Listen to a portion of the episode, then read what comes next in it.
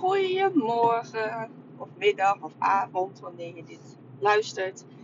Dit keer een podcast vanuit de auto. Ehm, ik ben onderweg en ik ben een beetje boos. En ehm, ik ben niet bozer dan normaal op dit onderwerp. Ik ben hier eigenlijk altijd een beetje boos over. Maar ik werd er gisteren ehm, weer een paar keer mee geconfronteerd. De dag ervoor ook. En denk ik, potverdorie, waarom, waarom is dit zo? En dan heb ik het weer over mijn oude stokpaardje, de koolhydratenangst. Ik spreek zo vaak vrouwen die zo enorm bang zijn om een aardappel te eten, om een boterham te eten, om überhaupt het woord koolhydraten, dat is voor hun echt, dat staat gelijk aan gif. Dat vinden ze zo, zo enorm eng om te eten. En ik vind dat zo, zo erg dat gewoon normale voedingsmiddelen, dat je daar zo bang voor gemaakt bent. Ik kan me daar, ja, daar kan ik me dus echt, echt boos op maken. Omdat het niet nodig is. Het is, het is onzinnig. En ik zie gewoon dat zowel ikzelf als mijn cliënten elke dag keer op keer bewijzen dat je prima op gewicht kunt komen en kunt blijven met het eten van koolhydraten. En dat zal iedereen die echt daadwerkelijk bedreven is in vetverbranding en tegelijkertijd het behoud van spiermassa en fitness, zal dat beamen. Uitzonderingen daar gelaten, want er zijn natuurlijk ook goeroes die zeggen het moet per se keto en het moet per se zonder koolhydraten. Er moet helemaal niks. En jij hoeft van mij ook geen koolhydraten te eten. Als jij daar echt heel erg uh, tegen bent of bang voor bent. Um, weet je, ga je gang. Maar ik wil je duidelijk maken dat het niet nodig is. Je beperkt jezelf met een leefstijl die niet nodig is. En het is volgens mij is het niet levenslang vol te houden. Wat gebeurde er gisteren? Ik had een uh, intakegesprek met een uh, nieuwe 1 op 1 cliënt. En ik nam haar, zij had haar voedingsplanning gemaakt, die nam ik met haar door. En uh, het viel mij op dat zij heel weinig koolhydraten inplande. Dus ik zei, joh, hè, dat gaat niet goed zo op die manier. Uh, waarom lunch je niet gewoon met een boterham of dat soort dingen, een paar boterhammen? Oh nee, zei ze. Oh nee, nee, nee, brood, dat, nee, dat gaat er bij mij niet in. Dat ga ik gewoon niet doen. Maar hoezo niet? Eet je nooit brood? Nou, bij een hele, hele, hele enkele uitzondering, dan ongeveer één keer in het half jaar, als je dan een keer uit eten gaat, dan gunt ze zichzelf één sneetje stokbrood. Maar dan heeft ze direct op het moment dat ze dat eet, heeft ze het gevoel dat ze iets heel stouts doet. Dat dat echt eigenlijk niet kan en uh, ja, dat ze haar lichaam echt iets aandoet op dat moment. Kijk, zij kan daar helemaal niets aan doen. Zij is geïndoctrineerd door die koolhydratenpolitie. Die hebben haar op de een of andere manier wijsgemaakt dat je daar dik van wordt. En als je in een afslankprogramma valt, uh, of stapt, en um, degene die jou gaat begeleiden, die vertelt jou om precies dat te doen. Waar jij zo doodsbang voor bent en waarvan je er heilig van overtuigd bent dat dat juist het averechtse effect gaat, bereiken, gaat geven. Dan snap ik heel goed dat je denkt: ja, maar dat, dat durf ik niet, dat, dat ga ik gewoon niet doen. Nou, we hebben, we hebben er heel lang over gesproken. Uiteindelijk zei ze van oké okay, uh, ik, ik vertrouw jou. Als jij zegt dat het goed komt, dat, uh, dat ik echt gewoon met brood kan lunchen. Want ik vind het namelijk hartstikke lekker. En ik vind het heel erg jammer dat ik het niet kan eten. Als jij uh, ja, zegt dat het echt goed komt, dan uh, ja, een soort van ik leg mijn lot in jouw handen. Dan ga ik het doen. Maar ja, ik vind het dood en dood en dood eng. En zo heb ik ook een keer meegemaakt dat iemand mij belde. Um, terwijl ze voor haar neus een, een bord stampot had. En uh, zij moest huilen. Zij moest huilen, want ze zei: Ik vind het zo verschrikkelijk dat ik dit nu moet gaan eten. En ik vind het zo lekker. Maar ik durf het gewoon niet. Er zitten aardappels in. Ah, en dan denk ik: Mensen, waar zijn we in godsnaam met z'n allen mee bezig? Waarom, waar komt die diep gewortelde angst vandaan? Hoe heeft het zover kunnen komen dat we zo bang zijn voor een normaal voedingsproduct als een aardappel, dat hartstikke gezond is? Nou, hè, hetzelfde laken bak. Oké, neem, neem een hap. Neem een hap. Er gebeurt niets. Je bent morgen niet ineens een kilo zwaarder op de weegschaal. Probeer het. Nou, hè, inmiddels. Ik ben nu met haar een paar maanden verder. En zij geniet bijna dagelijks van een stampot, want ze vindt het heerlijk en ze is de schade aan het inhalen van al die jaren dat ze het niet gegeten heeft. En ze durft brood te eten en nou, ze plant gewoon uh, alle koolhydraten in uh, die ze mag hebben en ze geniet er ook echt van. Ja, en dan dat, dat, weet je, dat vind ik nog belangrijker, nog, nog mooiere winst dan dat de kilo's eraf gaan. Want dat is voor haar heel belangrijk, maar ik vind het gewoon zo mooi dat ik iemand van zo'n angst heb af durven hel heb, kunnen helpen. Um, ja, die gewoon echt volledig uh, onzinnig is.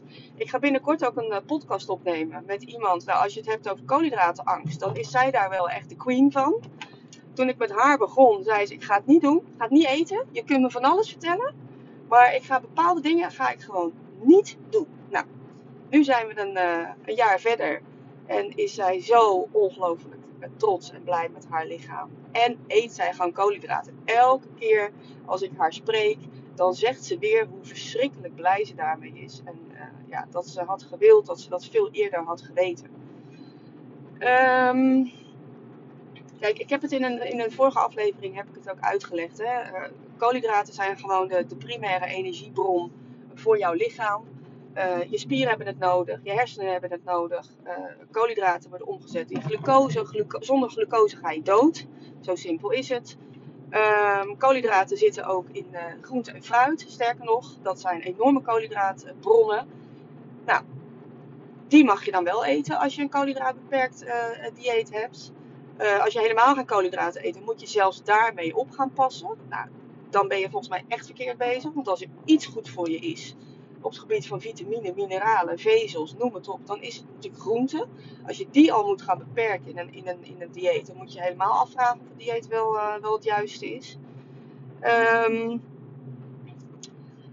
en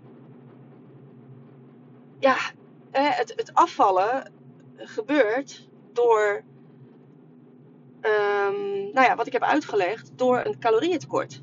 En of jij nou die koolhydraten schrapt, die vetten of die eiwitten, dat maakt helemaal niet uit. Jouw lichaam reageert op een calorieëntekort.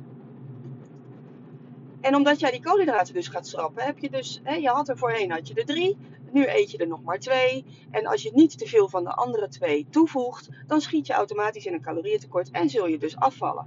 Maar in hoeverre is dat vol te houden? Ik heb ook het voorbeeld genoemd als jij een keer uit eten moet, of je, hè, iemand nodigt je uit, of uh, je gaat naar een pizzeria, of je bent op een verjaardag, wil jij dan altijd dat taartje afslaan? Want hè, je wilt in, in die, in die keto-fase uh, wil je blijven zitten, dat je op vetverbranding overgaat. Ja, daar mag je dan weer niet uit, want anders dan heb je, heb je dat weer doorbroken. Dan denk ik, mensen, het is allemaal veel te moeilijk en nergens voor nodig. Eet gewoon lekker je koolhydraten, maar weet waar je mee bezig bent. En er zijn inderdaad snelle koolhydraten die jou helemaal niets brengen. Maar dat zijn meestal niet de zuivere koolhydratenbronnen. Dat zijn de bronnen die gecombineerd zijn, uh, die een combinatie zijn van koolhydraten en vetten. En dan hebben we het over uh, chips, uh, gefrituurde snacks, taart, al dat soort dingen. Ja, brengt je inderdaad niets, behalve dat het misschien lekker is.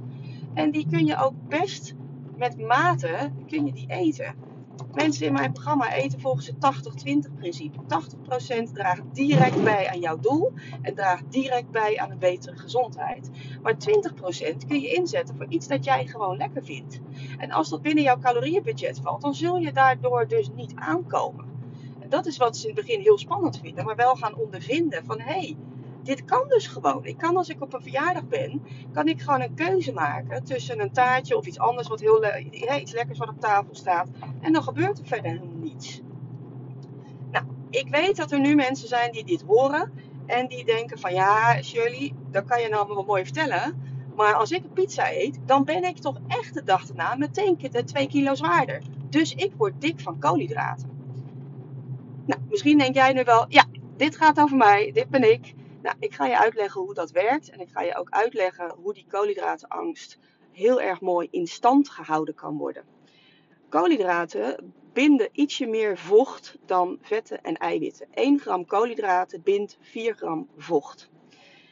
Dat is helemaal niet erg, want dat vocht dat raak je weer kwijt. En uh, hè, nou, zoals gezegd, jouw lichaam kan die koolhydraten gewoon op de juiste, effectieve manier inzetten. Maar wat gebeurt er nou op het moment dat jij dus 100 gram aan koolhydraten eet, en zeker als je het normaal gesproken niet eet, dan ben je dus de volgende ochtend sowieso 400 gram zwaarder. He, want 100 keer 4 is 400, dat ben je zwaarder. Maar dat is geen vet, dat is vocht. En dat is heel erg essentieel om je te realiseren. Mensen die mijn programma's volgen, die gaan mij op een gegeven moment vertellen. En dat vind ik zo'n machtig mooi moment. En dan nemen we de metingen door van de hele week. En dan zit er af en toe zit er een uitschieter in. En dan uh, hoef ik op een gegeven moment niet eens meer te vragen van joh, hè, kun je zelf verklaren waar die uitschieter vandaan komt? Nee, dat weten ze. Dan zeggen ze bijvoorbeeld tegen mij van ja, die avond ervoor had ik pizza gegeten of die avond ervoor had ik sushi gegeten. Ze maken zich helemaal niet meer druk over het feit dat ze zwaarder zijn geworden. Omdat ze weten, het kan geen vet zijn, het is vocht. Je lichaam zet niet in één nacht 4 gram of 400 gram uh, vet aan. Uh, dat kan gewoon niet. Zo werkt het niet. Dus dat is vocht en dat raak je dus weer kwijt.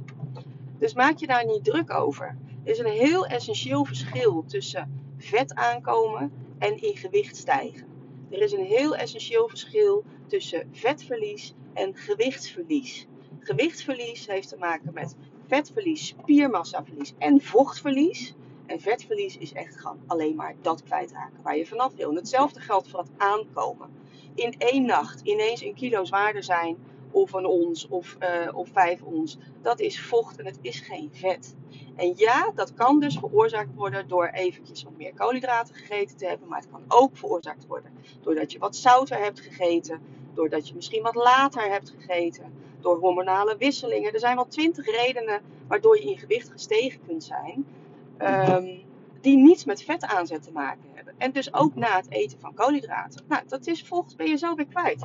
Maar dit is wel de reden dat uh, die angst, die wordt dus bevestigd. Want dan eten ze een keer iets van koolhydraten en dan zijn ze dus veel zwaarder. En dan zeggen ze, ja, zie je nou wel, ik word dik. Ik word dik van brood. Want ik heb gisteren heb ik uh, brood gegeten, of ik heb pizza gegeten, of ik heb rijst gegeten. En uh, nou, daarmee is het dus meteen hun angst is bevestigd en, en blijft in stand. Um, ja, en echt, hè, ik, ik, maar een van mijn missies in dit werk is om zoveel mogelijk mensen van die koolhydratenangst af te helpen. Want ik vind het zo zonde. Je beperkt jezelf zo enorm in voedingsmiddelen. En, ja, en dan, hè, als je dan een keer uit eten gaat en je neemt dan één sneetje stokbrood. En je, je denkt echt van jeetje, wat doe ik mijn lichaam aan? Of je zit te huilen boven een bord stampot. Nou, ik vind dat echt echt heel verdrietigmakend. Want dan denk ik, ja, dat, nou ja, goed. Volgens mij val ik van herhaling, in herhaling. Het is gewoon echt niet nodig. Maar je hoort misschien wel in mijn hele verhaal een beetje mijn frustratie hierover. En uh, tegelijkertijd, ik ben dan zo ontzettend blij als er weer mensen zijn die zeggen van... Hè, ik ben zo dankbaar dat ik nu gewoon lekker, lekker brood kan eten. En gewoon lekker eens een keer een pizzaatje op zijn tijd. En uh, dat ik snap hoe voeding werkt. Dat ik snap hoe het lichaam werkt. En... Uh, nou ja, weet je, zelfs de snelle koolhydraten, die kun je nog op een juiste manier kun je die eten, waardoor het ook veel minder schade aanricht. Volgens mij heb ik het eerder gezegd, hè, eet ze dan, als je witte rijst wil eten, helemaal prima. Eet ze in combinatie met een andere koolhydratenbron, zoals bijvoorbeeld ananas. Eet ze in combinatie met in ieder geval eiwitten met gezonde vetten. En dan zal dat veel minder een uh, bloedsuikerpiek uh, creëren. Nou ja, dat zijn allemaal dingen hè, die, die kun je leren. Maar de basis daarvan is wel dat je, uh, dat je die kennis over voeding moet je natuurlijk hebben. Je moet wel weten hoe het werkt.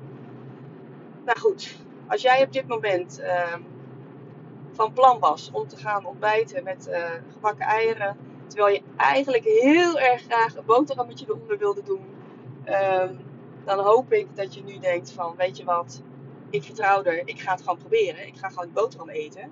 En als ik dan morgenochtend een onsje zwaarder ben op de weegschaal, dan denk ik nu aan Shirley's woorden terug dat dat niet in ons vet is, uh, want een ons vet staat voor 770 calorieën, hè, mensen. Dan moet je dus 770 calorieën te veel gegeten hebben om een ons vet aan te zetten. Nou, dat is denk ik uh, niet gebeurd. Vet aanzetten gaat over een veel langere periode dan overnacht. Um, alleen die vochtbalans, ja, die fluctueert gewoon continu. En ja, die is inderdaad ook onderhevig. Of die wordt inderdaad beïnvloed door koolhydraten, maar ook door honderdduizend andere dingen. Dus eet lekker je boterhammetje, eet lekker je aardappels, eet lekker je rijst. Um, bedenk ook hoe kan het dat de Japanners allemaal zo dun zijn, terwijl ze uh, de hele dag door rijst eten bij elke maaltijd. Hoe kan dat dan als je daar zo dik van zou worden? En het is niet zo dat zij niet dik worden van koolhydraten en jij wel. Dat is dus niet zo. dit, dit zijn wetten en regels, de dingen die ik vertel, die gelden voor iedereen. En er zijn mensen die wat beter reageren op wat minder koolhydraten eten, dat klopt. Maar dan heb je het wel over specifieke gevallen. Iemand met bijvoorbeeld diabetes of diabetes 2, of nou ja, daar gaan we een wat andere verdeling in maken. Maar zolang jij um, niet één van de medische uitzonderingen bent, is er helemaal niets aan de hand. En is het het calorieëntekort waar je op moet letten als je af vallen en niet of er wel of geen koolhydraten in zitten. Mensen, hele fijne dag.